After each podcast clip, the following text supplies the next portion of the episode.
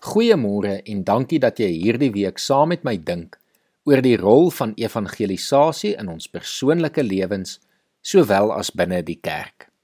Ek wil vanoggend die week se oordeenkings afsluit deur 'n kort storie te vertel oor die belangrikheid van evangelisasie deur die kerk. Die storie gaan oor 'n een eenvoudige see reddingsstasie.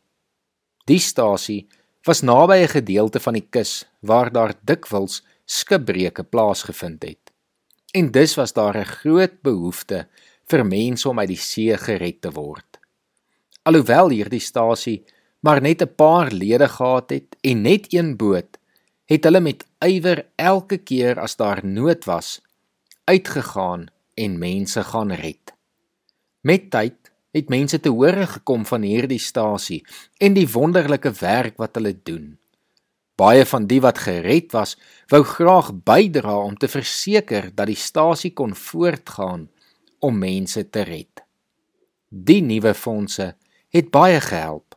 Daar kon nog 'n boot gekoop word en nuwe mense is opgelei om die see te gaan aandurf. Later was daar selfs genoeg fondse vir 'n nuwe gebou met beddens en 'n kaggel sodat wanneer reddingsspanne gewag het, hulle gemaklik en warm bymekaar kon wees. Hulle het al hoe meer lede bygekry wat bygedra het tot die stasie en hulle het ook gereeld by die stasie bymekaar gekom. Maar ongelukkig wou nie al die lede meer deel wees van die reddingsspanne nie.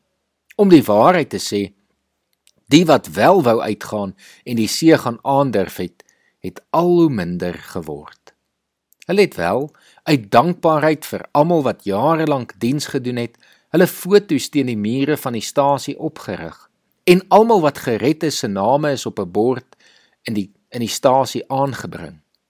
Die stasie is getransformeer in 'n baie gemaklike en 'n eksklusiewe klub. Maar een aand was daar 'n groot storm op die see en 'n skip met baie mense op het skipbreuk gelei. Gelukkig Deur harde werk kon die paar mense wat wel nog deel was van die reddingsspan, die mense gaan red. Almal is veilig teruggebring na die stasie. Maar ongelukkig was die stasie in chaos.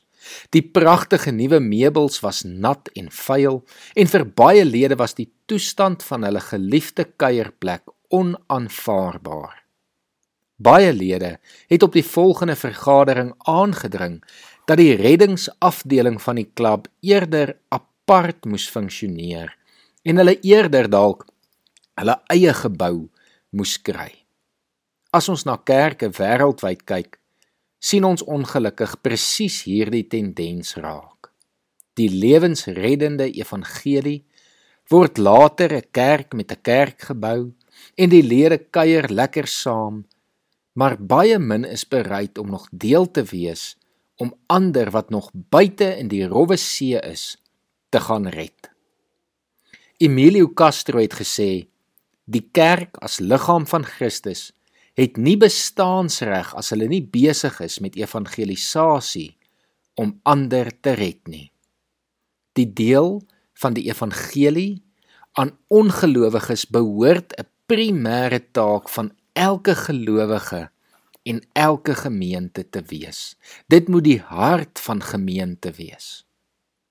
Is jy nog deel van die reddingsspan van Christus wat uitgaan om mense in sy naam te gaan red? Hoe gaan dit in jou gemeente? Is julle as gemeente nog 'n reddingsstasie of het ons gemeentes dalk maar eerder 'n klap geword? Dit is dalk tyd dat ons weer opnuut moet ontdek wat dit beteken om kerk te wees. Hoekom ons hier is en wat ons taak is.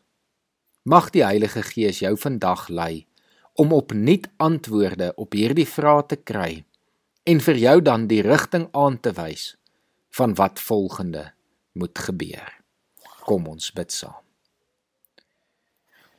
Here hierdie storie so eenvoudig inspireer ons tog om weer te besef dat ons nie geroep is om 'n eksklusiewe klub te wees nie maar dat ons as geloofsgemeenskap altyd 'n reddingsstasie moet bly wat uitgaan om ander te gaan red. Here help ons hierin, lei ons hierin. Want Here vanoggend weet elkeen van ons maar watter uitdagings daar is rondom hierdie. Here maar help ons sodat ons nie bang sal wees vir dit wat opgeoffer moet word of dit wat verander moet word sodat ons weer by ons primêre taak en roeping kan uitkom nie. Ons bid dit in Jesus se naam. Amen.